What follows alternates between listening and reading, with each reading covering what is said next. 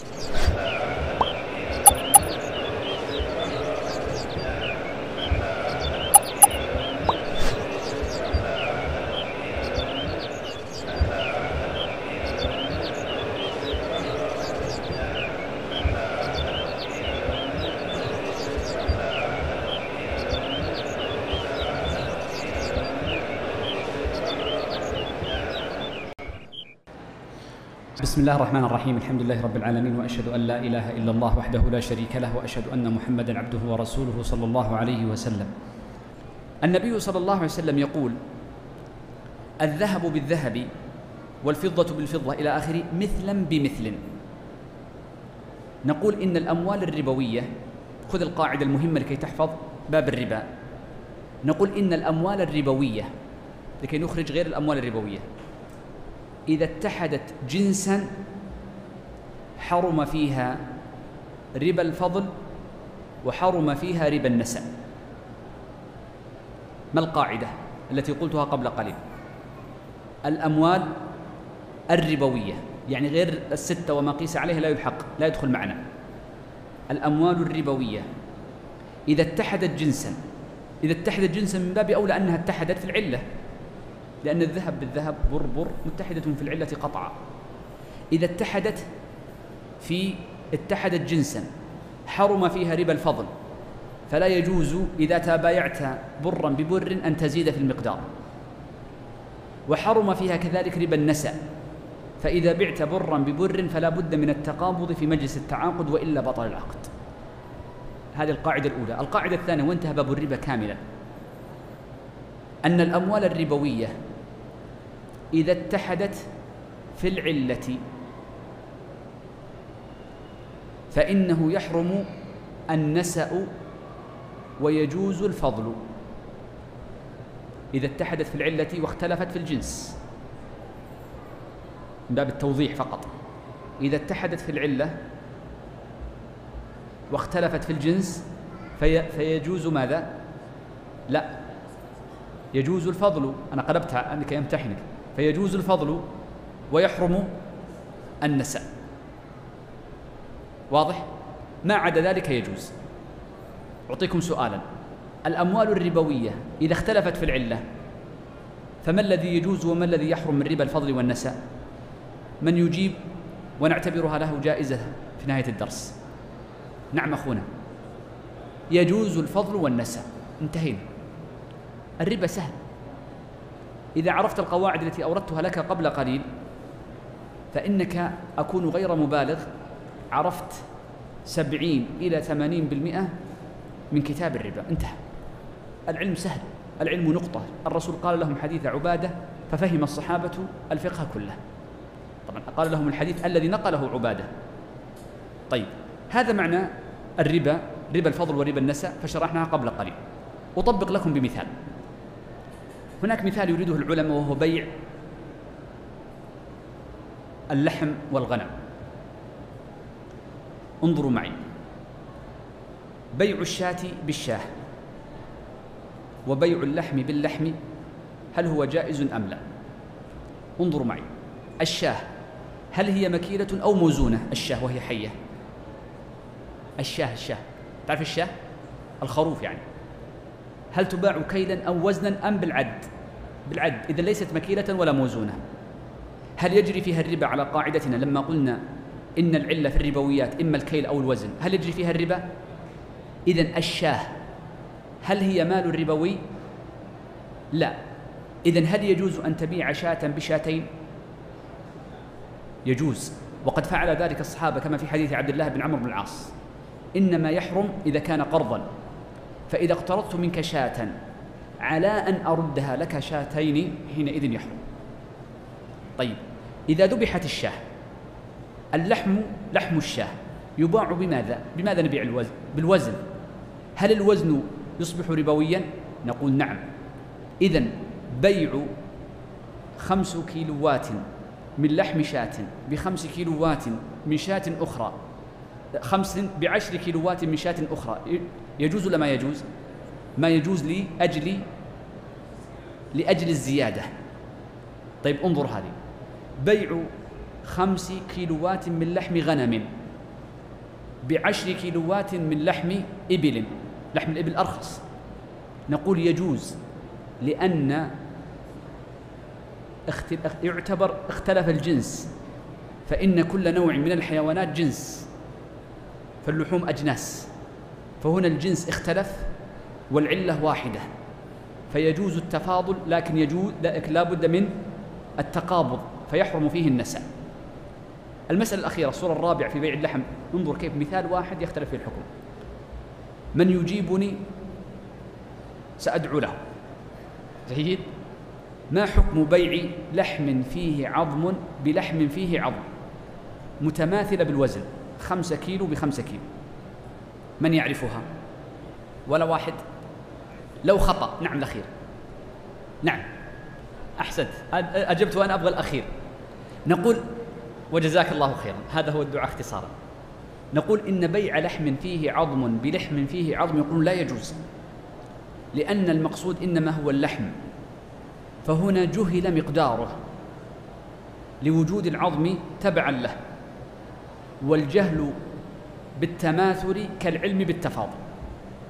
شوف عندنا أربع صور.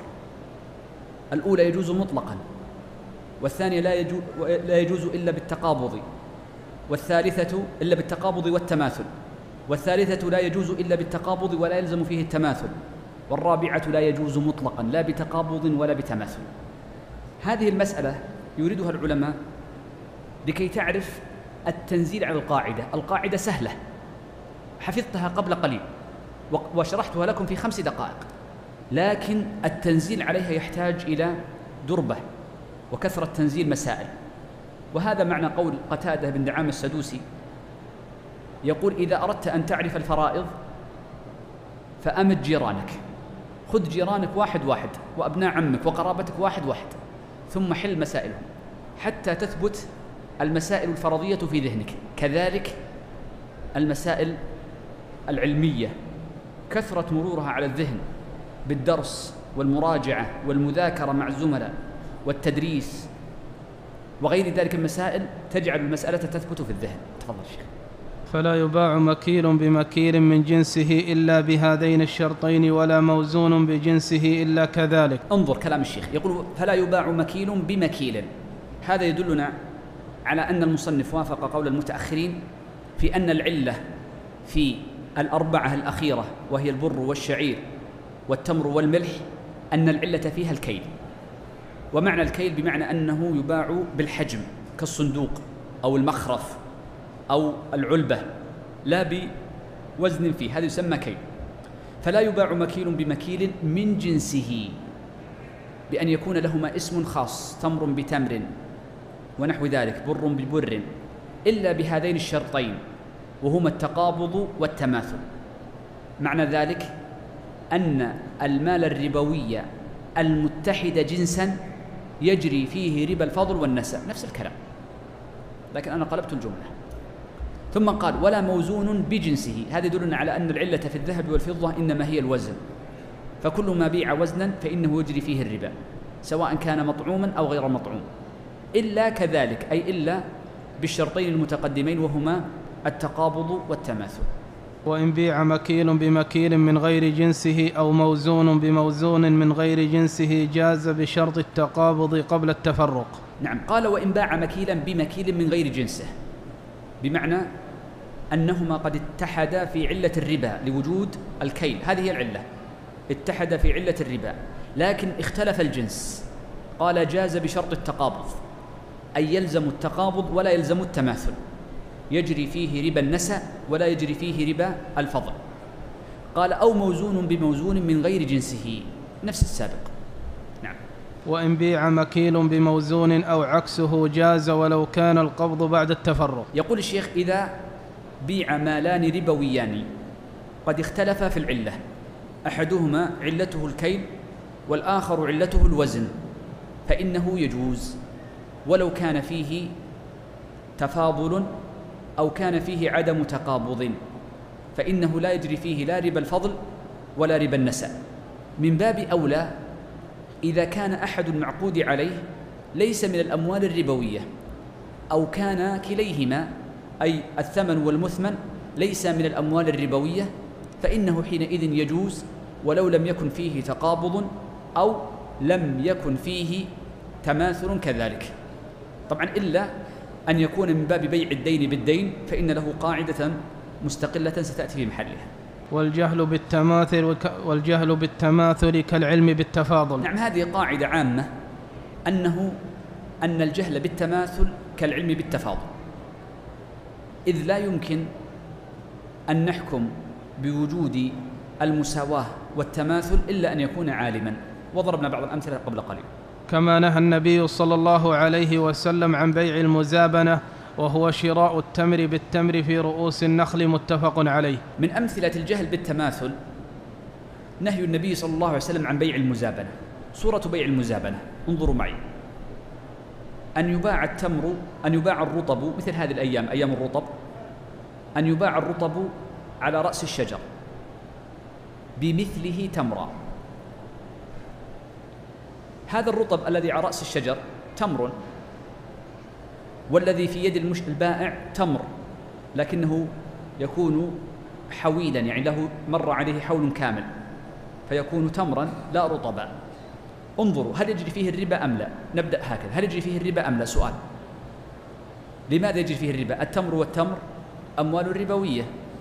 جنسهما واحد أم لا؟ تمر وتمر. إذا يجري فيه ربا الفضل ويجري فيه ربا النساء النبي صلى الله عليه وسلم يقول لا يجوز لك أن تبيع الرطب وهو على رأس الشجر بالتمر.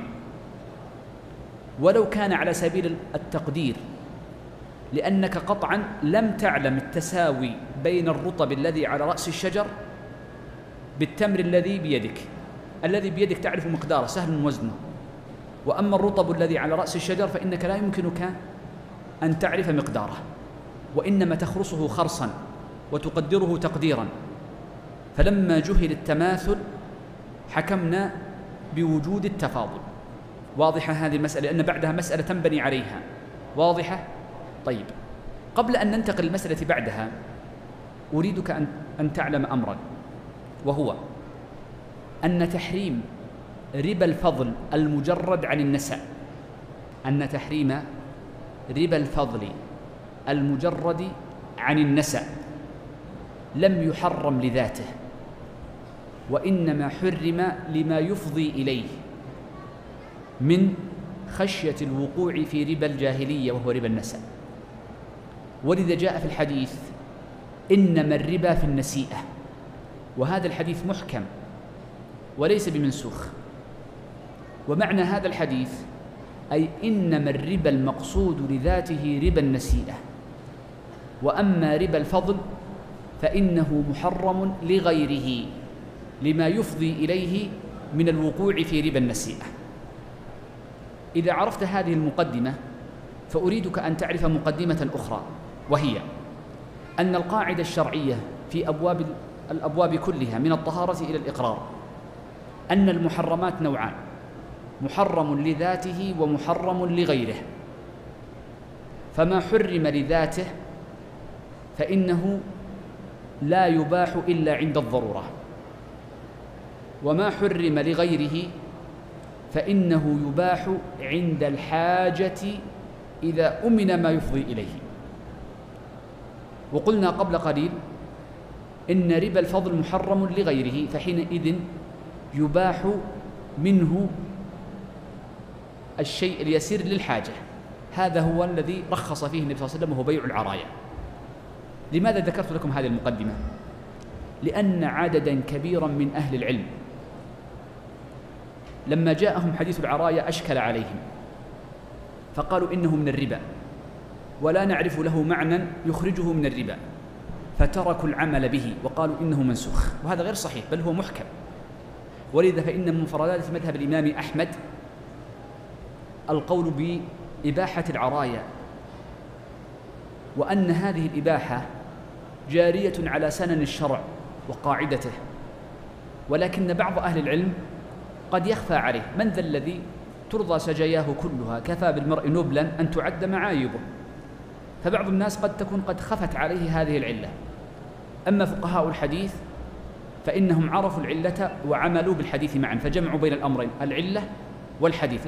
لم يستمسكوا بالظواهر فقط من غير تعليل بل جمعوا بينهما. إذا الشارع أباح لنا العرايا لأن فيها استثناء من ربا الفضل دون ربا النسيئة.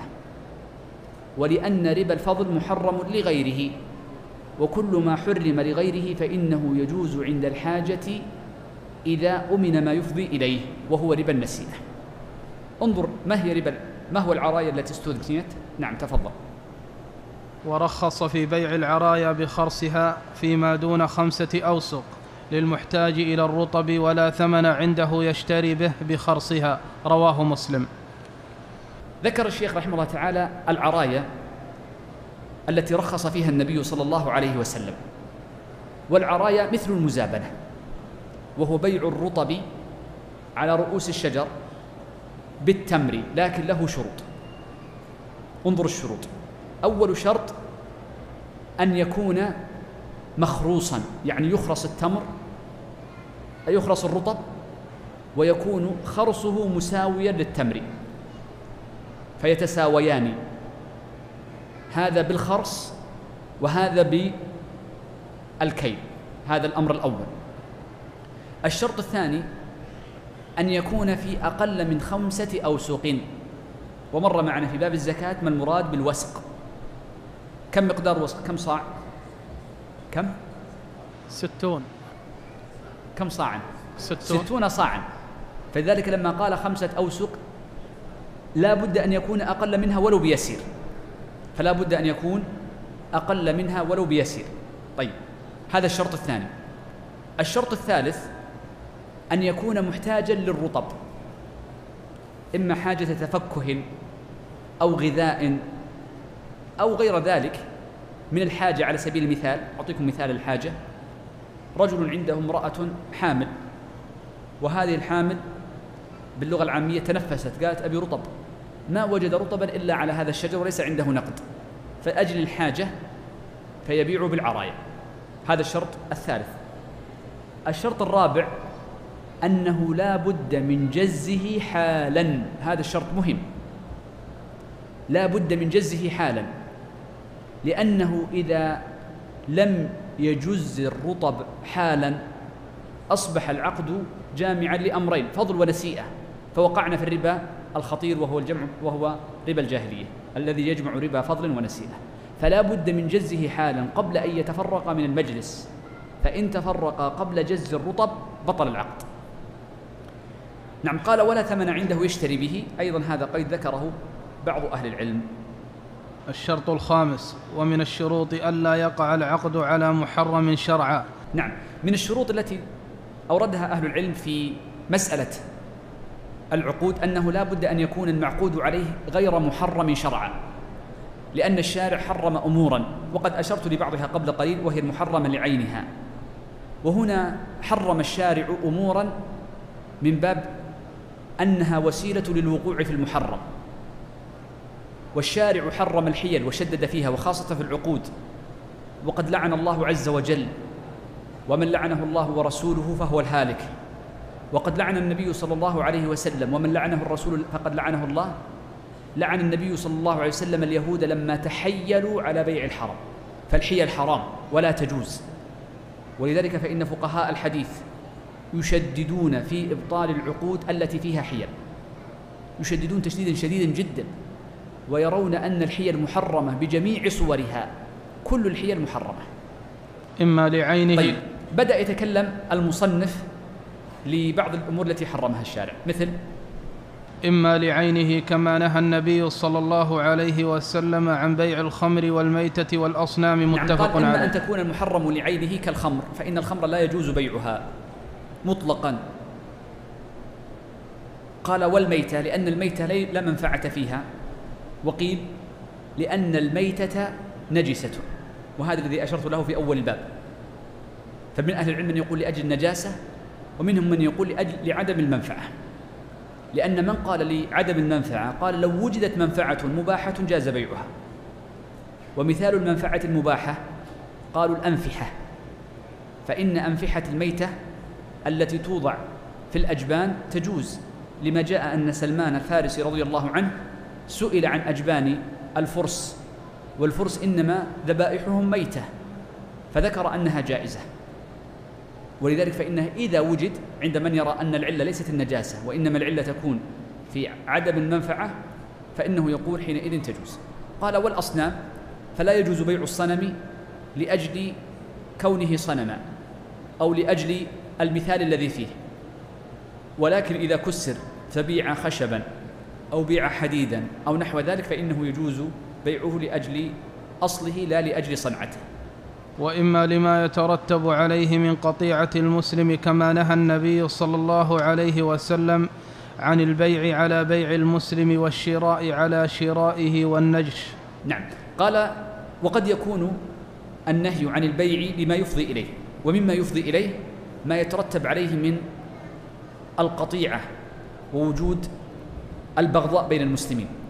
إذ من اعظم المقاصد الشرعية في المعاملات المالية دفع الخصومات. ولذلك حرم بيع الغرر لكي لا يتخاصم المتعاقدان. هناك أمور نهى الشارع عنها. منها قال بيع المسلم على بيع أخيه. إذا باع المسلم بيعا وانتبه لهذا القيد. ثم جاء شخص فباع على بيعه. في مدة الخيارين. شوف هذا القيد المهم. لا بد أن يكون في مدة الخيارين فنقول إن ذلك محرم. ما هو صورة البيع على البيع والشراء على الشراء؟ صورة البيع على البيع. أن يأتي زيد فيبيع عمرا سلعة بألف. فيجيء شخص لعمر فيقول هذه السلعة التي باعها لك زيد بألف سأبيعها لك بتسعمائة. نقول هذا حرام. الشراء على شرائه باع زيد لعمر سلعة بألف فيأتي آخر مشتر للبائع وهو زيد فيقول إن ما اشتراه منك من ما اشتراه منك عمرو بألف سأشتريه منك بألف وخمسمائة. نقول كلاهما حرام. انتبه معي. هذا البيع على البيع والشراء على الشراء له ثلاث حالات. الحالة الأولى أن يكون قبل الركون فيجوز. يعني قبل تعاقد العقود فيجوز قبل الركون لكي ندخل السوم وسيأتي ما قبل الركون سأذكره بعد قليل بتفصيل لكي ندخل السوم في السوم الحالة الثانية أن يكون في أثناء مدة الخيارين. والخياران المراد بهما خيار المجلس وخيار الشرط. لأنه في مدة الخيارين العقد ليس بلازم يجوز فسخه. فحينما يأتيك شخص ويقول سأبيعك هذه السلعة بسعر أقل أو يأتي شخص ويقول سأشتريها منك بسعر أعلى فأنت لك حق الفسخ لأنك في مدة الخيارين. نقول إذن البيع على البيع والشراء على الشراء في مدة الخيارين هو محرم. وهو المراد بالحديث. الحالة الثالثة أن يكون بعد انتهاء مدة الخيارين فوجوده مثل عدمه. واحد اشترى من آخر سيارة بعد ما تم الشراء.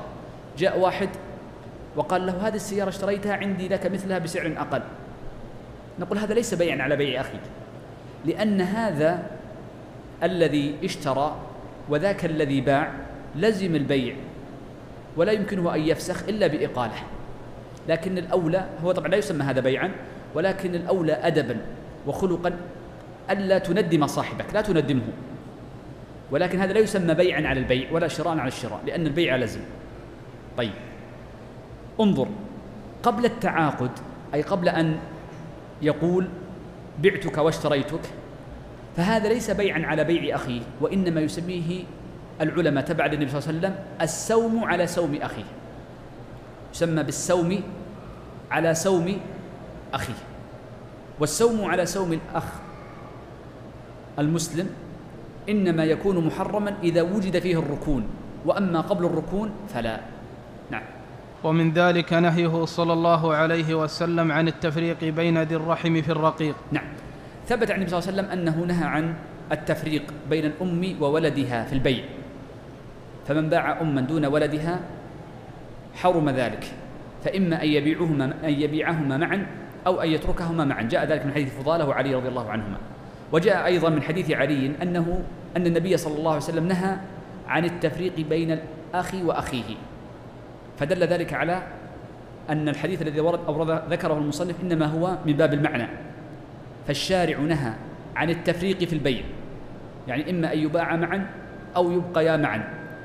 بين بيع الرقيق إذا كان ذوي رحم محرم. يجب أن نجعل هذا القيد المهم. أن يكون ذا رحم محرم لأن الرحم واسع والرحم المحرم هو الذي إذا فرض أحدهما ذكر والآخر أنثى فإنه يحرم زواج أحدهما بالآخر. هذا الرحم المحرم لا يجوز التفريق بينهما في البيع فيباعان معا أو يبقيان معا إذا كان في ملك رجل واحد. وأما إذا كان في ملك رجلين فإنهما ليس مجموعين فحينئذ يجوز أن يباع كل واحد على سبيل الانفراد. ولما قلنا إنه محرم فإن البيع باطل. فلا يصح التفريق بين ذي الرحم المحرم من الأرقاء في البيع. إلا إذا بلغا فبعد البلوغ يجوز البيع. هذه المعاقدة وإن كانت غير موجودة إلا لنا فيها حكمة لأن الرق انتهى الآن تقريبا. لكن لنا فيها فائدة نستفيدها وهي أن الشارع إذا كان قد نهى وحرم وشدد في التفريق بين الرقيق من الإماء وأبنائهن أو بين الأخ وأخيه وهو مما يجوز بيعه فمن باب أولى إذا كان ظلما. وبعض الناس من باب الظلم والاعتداء يفرق بين المرأة وولدها عضلا ويفرق بين الأخ وأخيه ظلما. ولا شك أن ذلك من أشد الظلم وأنكاه وقد يدخل في هذا الوعيد بل ربما يعني دخل فيه وإن كان ذا الوعيد في البيع وذاك في الظلم فإنه أولى. نعم. ومن ذلك إذا كان المشتري تعلم منه أنه يفعل المعصية بما اشتراه كاشتراء الجوز والبيض للقمار أو السلاح للفتنة وعلى قطاع الطرق. يعني قال ومن ذلك من باع سلعة مباحة لمن يستخدم هذه السلعة في محرم.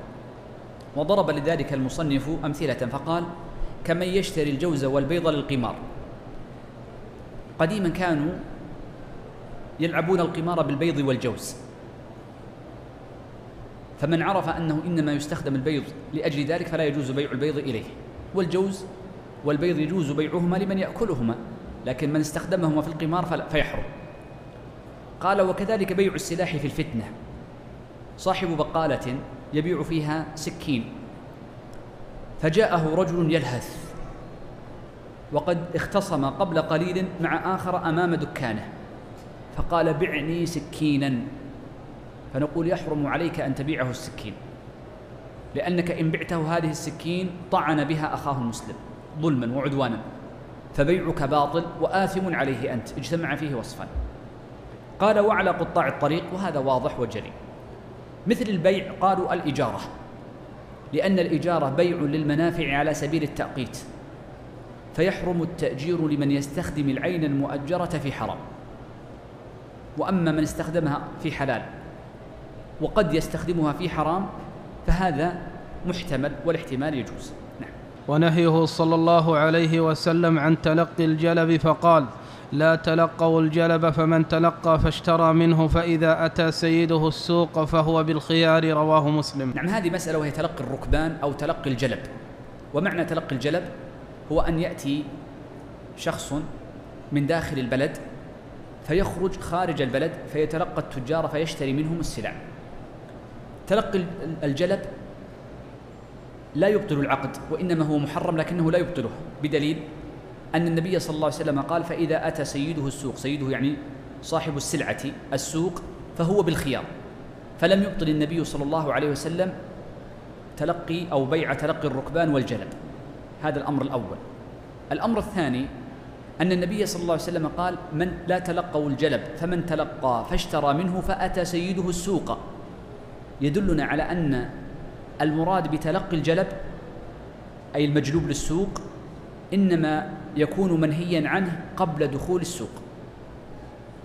وأما إذا تلقاه في أول السوق فإنه يجوز حينئذ.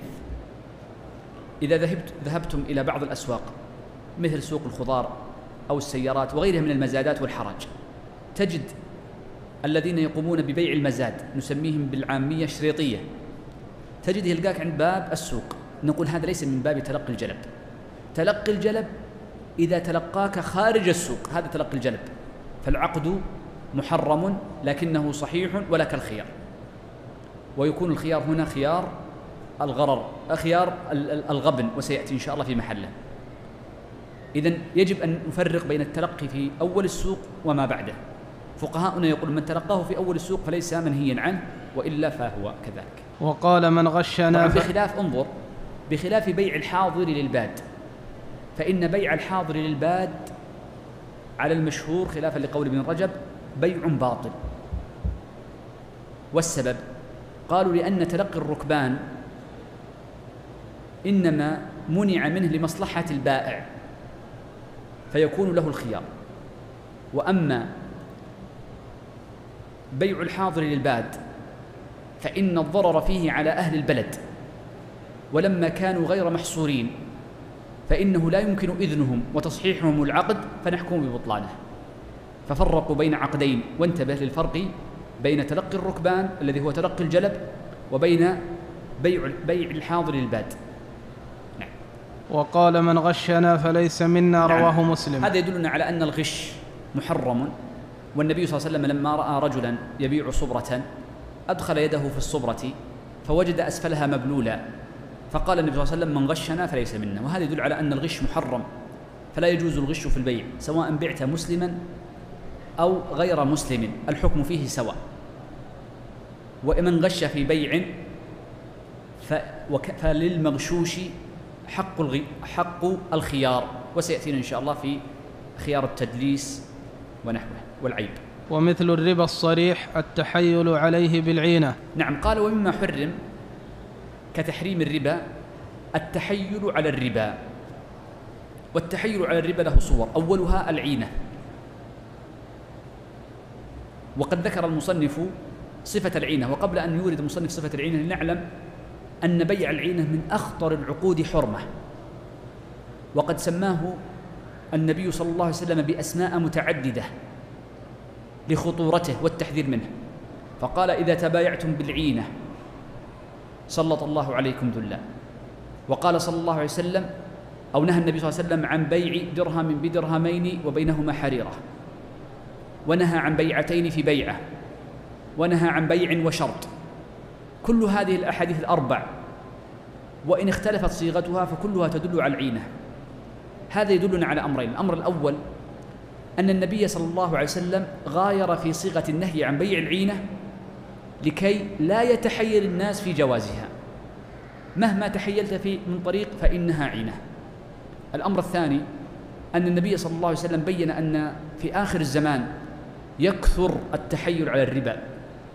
والنظر للشكلية في العقود كما هي حال كثير من الناس الآسف الآن. كثير من الناس الذين ابتلوا بأن أصبحوا يفتون للناس في أمور عامة في معاقدات البنوك وغيرها أصبحوا ينظرون للشكلية في العقود. ومن نظر للشكلية أباح العينة. فإن شكل العينة مباح وحقيقته محرم إذ هو حيلة. العينة يقول أهل العلم إنها نوعان.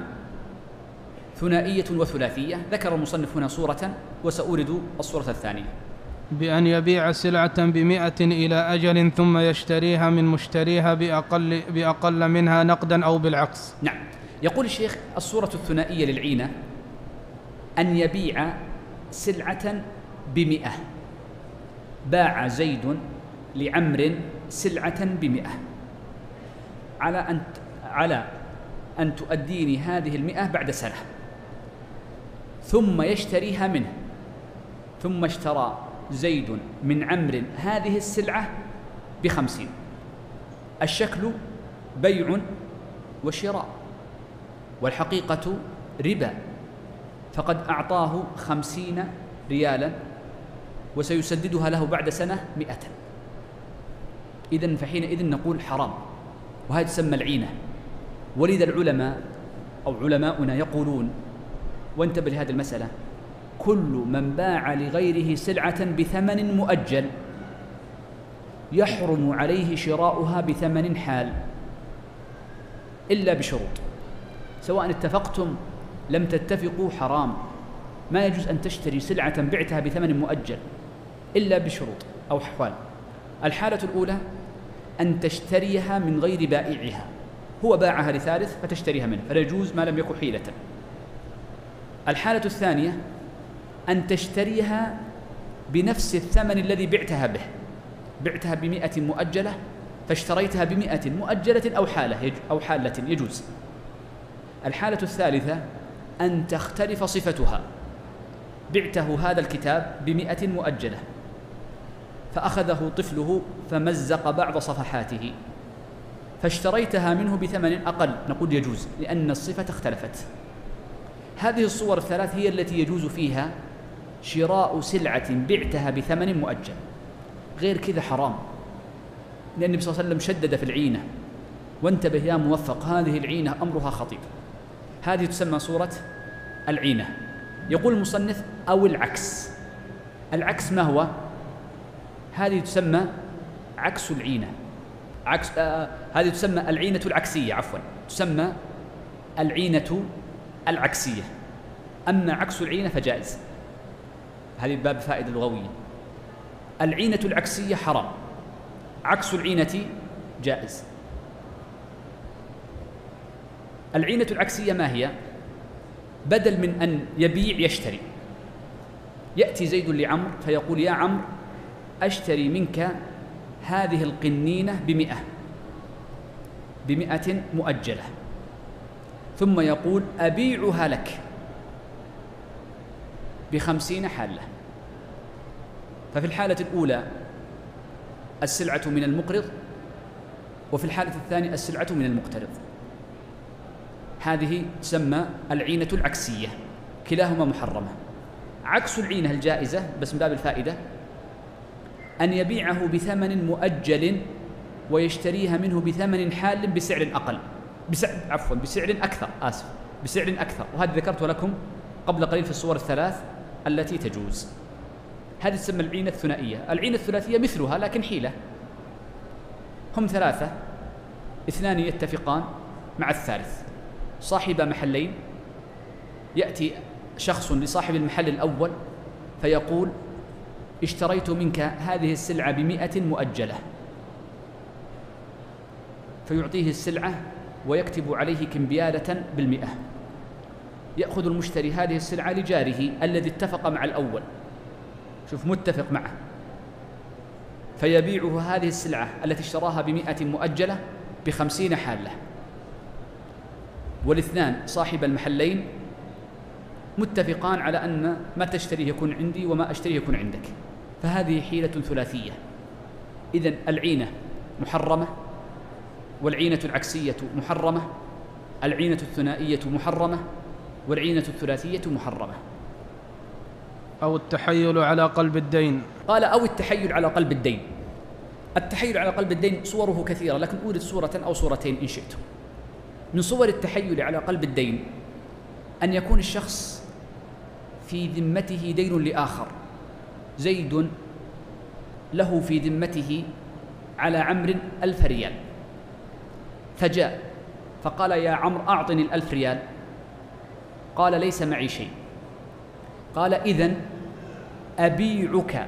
شوف كيف أبيعك بالألف التي في ذمتك أبيعك بها كذا وكذا من بر أو شعير أو عطني سيارة. نقول هذه حيلة على قلب الدين. فقلبت الدين بدين آخر.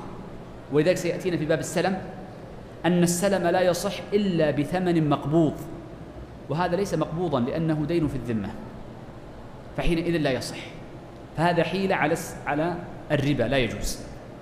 من صور التحيل على الربا لقلب الدين شخص أقرض آخر ألفا فجاء وقت السداد قال ليس معي شيء. قال له تعال. ما معك شيء؟ قال طيب. قال انظر سوف أبيعك هذا الكأس بألفين. يعني لن أنظرك إلا أن أبيعك هذا الكأس بألفين ريال مؤجلة. قال طيب فأخذ هذا الكأس فأصبح عليه دين كم؟ ألفان وألف. فباع هذا الكأس بألف ثم أرجع له سداد الدين السابق. فحينئذ حقيقة العقد أنه قلب الدين إلى دين ربوي وجعل بينهما حريرة هذا الحيلة. لأنه ما أقرضه أو ما عاقده هذا العقد إلا ليسدد له الدين الأول فأصبح حيلة على الربا. وهذا الذي تفعله للأسف بعض البنوك ويفعله بعض الناس الذي يلصق أوراقا في بعض المحلات يقول نسدد عنك الدين. جزء كبير من تعاملهم هو من حيلة على قلب الدين. أو التحيل على الربا بقرض بأن يقرضه ويشترط الانتفاع بشيء من ماله أو إعطاءه عن ذلك عوضا فكل قرض جر نفعا فهو ربا. نعم. قال أو التحيل على الربا بقرض. يعني أنه يقرضه قرضا ويشترط عليه منفعة. قال بأن يقرضه ويشترط الانتفاع بشيء من ماله سواء منفعة بدون عين هذا المراد يعني يقول أقرضتك ألفا وسأسكن بيتك. فحينئذ نقول إن العقد حرام لأنه اشترط الانتفاع بشيء من ماله فلا يجوز. قال أو إعطاءه عن ذلك عوضا. يعني يقول أقرضك على أن تعطيني كذا وكذا مقابل هذه المنفعة. قال فكل قرض جر نفعا فهو ربا ورد به أثر وانعقد الإجماع على معنى. ومن التحيل بيع حلي فضة معه غيره بفضة أو مد عجوة ودرهم بدرهم. نعم. هذا الحديث لما جاء عن النبي صلى الله عليه وسلم أنه نهى عن بيع الذهب عن بيع الذهب حتى يفصل. صورة هذا بعض الناس يبيع حليا فيه ذهب أو فضة يعني حلي من ذهب أو فضة معه شيء في داخله كالفصوص فيبيعه بفضة أو ذهب. بعض الناس يبيع عقد ذهب فيه فصوص بذهب. فإذا نظرنا في العقد الذي الذهب الذي فيه فصوص ستجد أن وزن الذهب عشر جرامات مثلا. والفصوص مهما كان وزنها لا أثر له. باعه بكم؟ باعه باثني عشر جراما من الذهب. نقول ما يجوز. حتى يفصل. فتفصل الفصوص وحدها فتقول بعت الذهب بلا فصوص بصرف مثله. وبعت الفصوص بما شئت. وهذا ورد فيه حديث عن النبي صلى الله عليه وسلم بهذه الصورة بنفسها لا يجوز. لكن اختلف ما العلة فيه. قيل إن العلة كما ذكر القاضي أن العلة فيه إنما هو من باب تفريق الصفقة وحيث فرقت الصفقة فيكون فيه جهل بالمقدار هذا كلام ورد ذلك ابن رجب في القواعد وقال إن الصواب أنه إنما نهي عنه لأنه ذريعة إلى الربا لأجل الذريعة وهذا في حديث ومثله أيضا مثل الذهب بيع مد عجوة ودرهم بدرهم فإنه لا يجوز. بعض العلماء يجعل لهذه المسألة عنوانا فيقول هو بيع الربوي بجنسه ومعه غيره أي مع أحد المعقود عليه ما ليس بجنسه وسئل النبي صلى الله عليه وسلم عن بيع التمر بالرطب فقال أينقص إذا جف؟ قالوا نعم فنهى عن ذلك رواه الخمسة. نعم لا يجوز بيع الرطب بالتمر لعدم إمكان التماثل بينهما وإنما يجوز بيع الرطب بالرطب والتمر بالتمر. لا يستثنى من ذلك إلا صورة, صورة واحدة فقط وهي بيع العرايا. ونهى عن بيع الصبرة من التمر لا يعلم مكيلها بالكيل المسمى رواه مسلم. نعم هذه مسألة وهي مسألة بيع الصبرة. ما المراد بالصبرة؟ الصبرة هو كومة من الطعام. يجي تأتي مثلا تأتي في السوق الذين يبسطون فتجده يأتي ويضع كومة من الطعام. فهل يجوز بيع الصبرة هذه أم لا؟ نقول إن بيع الصبرة له حالتان. إما أن يكون معلوم كيلها أو ليس معلوما كيلها. فإن كان معلوما كيلها فحينئذ ليست جزافا وإنما هو بيع لمكيل معلوم فحينئذ نخرجها. النوع الثاني هو المراد عندنا في التفصيل. وهو بيع الصبرة جزافا بحيث لا يعرف كيلها. نقول إن بيع الصبرة جزافا بجنسها لا يجوز. لا يجوز بيع الصبرة بجنسها لأن عدم العلم بالتماثل كالعلم بالتفاضل. إذا كان من الأموال الربوية. يعني ربوي بربوي اتحد جنسا لا يجوز بيعها إلا متماثلا فلو كان أحدهما صبرة لا يجوز. أما إذا بيع بغير جنسه مثل تذهب للسوق فتجد شخصا كوم مجموعة من البر أو الرز فقلت له بكم هذه؟ فقال بعشرين ريال. فهي صبرة جزاف. نقول يجوز بيعها بشرط النظر إليها. فإن تقدير العين بمثابة معرفة المقدار. ويعفى عن التقدير. وعندنا مثل عامي يقول عين الحر مقياس. فالواحد يعرف أن هذه تستحق عشرة أو عشرين أو ثلاثين أو أقل أو أكثر. إذا بيع الصبرة جزافا متى يجوز؟ إذا كان بغير جنسها وكان منظورا إليها يراها الشخص ويعرفها. لا يقول صبرة مجهولة بل ينظر إلى الصبرة. نعم. وأما بيع ما في الذمة فإن كان على من هو عليه جاز وذلك بشرط قبض عوضه قبل التفرق. لقوله صلى الله عليه وسلم لا بأس أن تأخذها بسعر يومها ما لم تتفرقا وبينكما شيء رواه الخمسة. وإن كان على غيره لا يصح لأنه غرر. نعم. هذه مسألة مهمة جدا جدا جدا وهي داخلة في نهي النبي صلى الله عليه وسلم عن بيع الدين بالدين. ومسألة بيع الدين هذه مشكلة لأن فروعها كثيرة. ولكن فقط لأرتب لكم لن أذكر أحكاما وإنما سأورد سأشرح كلمة المصنف لكن أرتب لكم كيف أن هذه المسألة تنقسم إلى أقسام. هذا الترتيب يفيدك أنك إذا قرأت في كتب الفقه تنزل المسألة منزلتها ولا تختلط عليك المسائل فتستصعب المسألة. بيع الدين ينقسم إلى حالين إما بيع لدين بعين وإما بيع لدين بدين. الثاني هو الذي جاء فيه الحديث نهى عن بيع الكالئ بالكالئ. طيب. بيع الدين بالدين تارة يكون لمن هو عليه وتارة يكون لغير من هو عليه. وتارة يكون بيعا آه، آه، وتارة يكون الدين واجبا. وتارة يكون الدين ساقطا. الواجب بمعنى أن يكون واجبا قبل المحل أي في الذمة مثل هذه الصورة. عفوا الساقط هو أن يكون في الذمة ثم يباع في هذه اللحظة مثل هذه الصورة. والواجب هو الذي يجب بالتعاقد.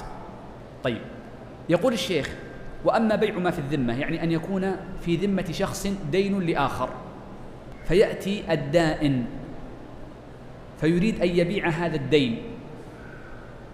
فنقول إن بيع هذا الدين يجوز في حالة واحدة. الأمر الأول أن يكون على من هو عليه.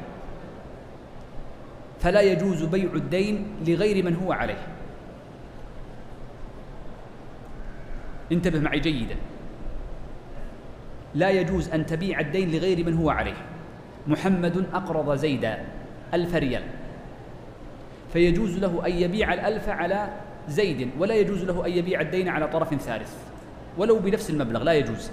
وإنما يباع على من هو عليه. هذا الشرط الأول. الشرط الثاني أنه لا بد انظر هذا الشرط الأول ذكره هنا قال فإن كان على من هو عليه هذا الشرط الأول. الشرط الثاني قال أن يتقابض قبل التفرق وذلك قال بشرط قبض عوضه قبل التفرق. لأنهما إن تفرقا ولم يتقابضا فإنه في هذه الحالة يكون بيع دين بدين الذي أجمع العلماء على حرمته. وقد روينا في الحديث نهى عن بيع الكالئ بالكالئ. هذا الشرط الثاني. بعض أهل العلم وهو المشهور عند المتأخرين يشترطون أن يكون بغير جنسه. فإن كان بجنسه لا يجوز. ولم يذكر هذا الشرط المصنف لأن المصنف لا يجيز لا, لا, لا يلزم ذلك. لأن الفقهاء يقولون من كان له دين على غيره فإن قال ب يعني عشرة آلاف فقال بعتك هذه العشرة آلاف بخمسة أعطني إياها الآن. أو قال صالحتك عليها بخمسة لا يجوز. وإنما يقول أبرأتك من خمسة وأعطني الخمسة الباقية فيجوز. فيجوز بلفظ الإبراء ولا يجوز بلفظ البيع ولا الصلح. هذا المشهور عند المتأخرين. وأما الرواية الثانية التي يمشي عليها المصنف وهي التي عليها العمل الآن أن العبرة بحقائق العقود. فيجوز البيع بأقل منه ولو كان من جنسه. ولو كان من جنسه. طبعا هم يزيدون قضية التماثل في الحلول والأجل. هذه يذكرونها في الصلح ربما نشير لها بعد ذلك. نعم. وإن كان على غيره لا يصح لأنه غرر نعم هذا ذكرنا قبل قليل أنه لا يجوز بيع الدين على غير من هو عليه لأنه يكون غررا. ليس لعلة الربا وإنما لعلة الغرر نقف عند هذا الجزء. ونقبل بمشيئة الله عز وجل وصلى الله وسلم وبارك على نبينا محمد وعلى آله وصحبه أجمعين.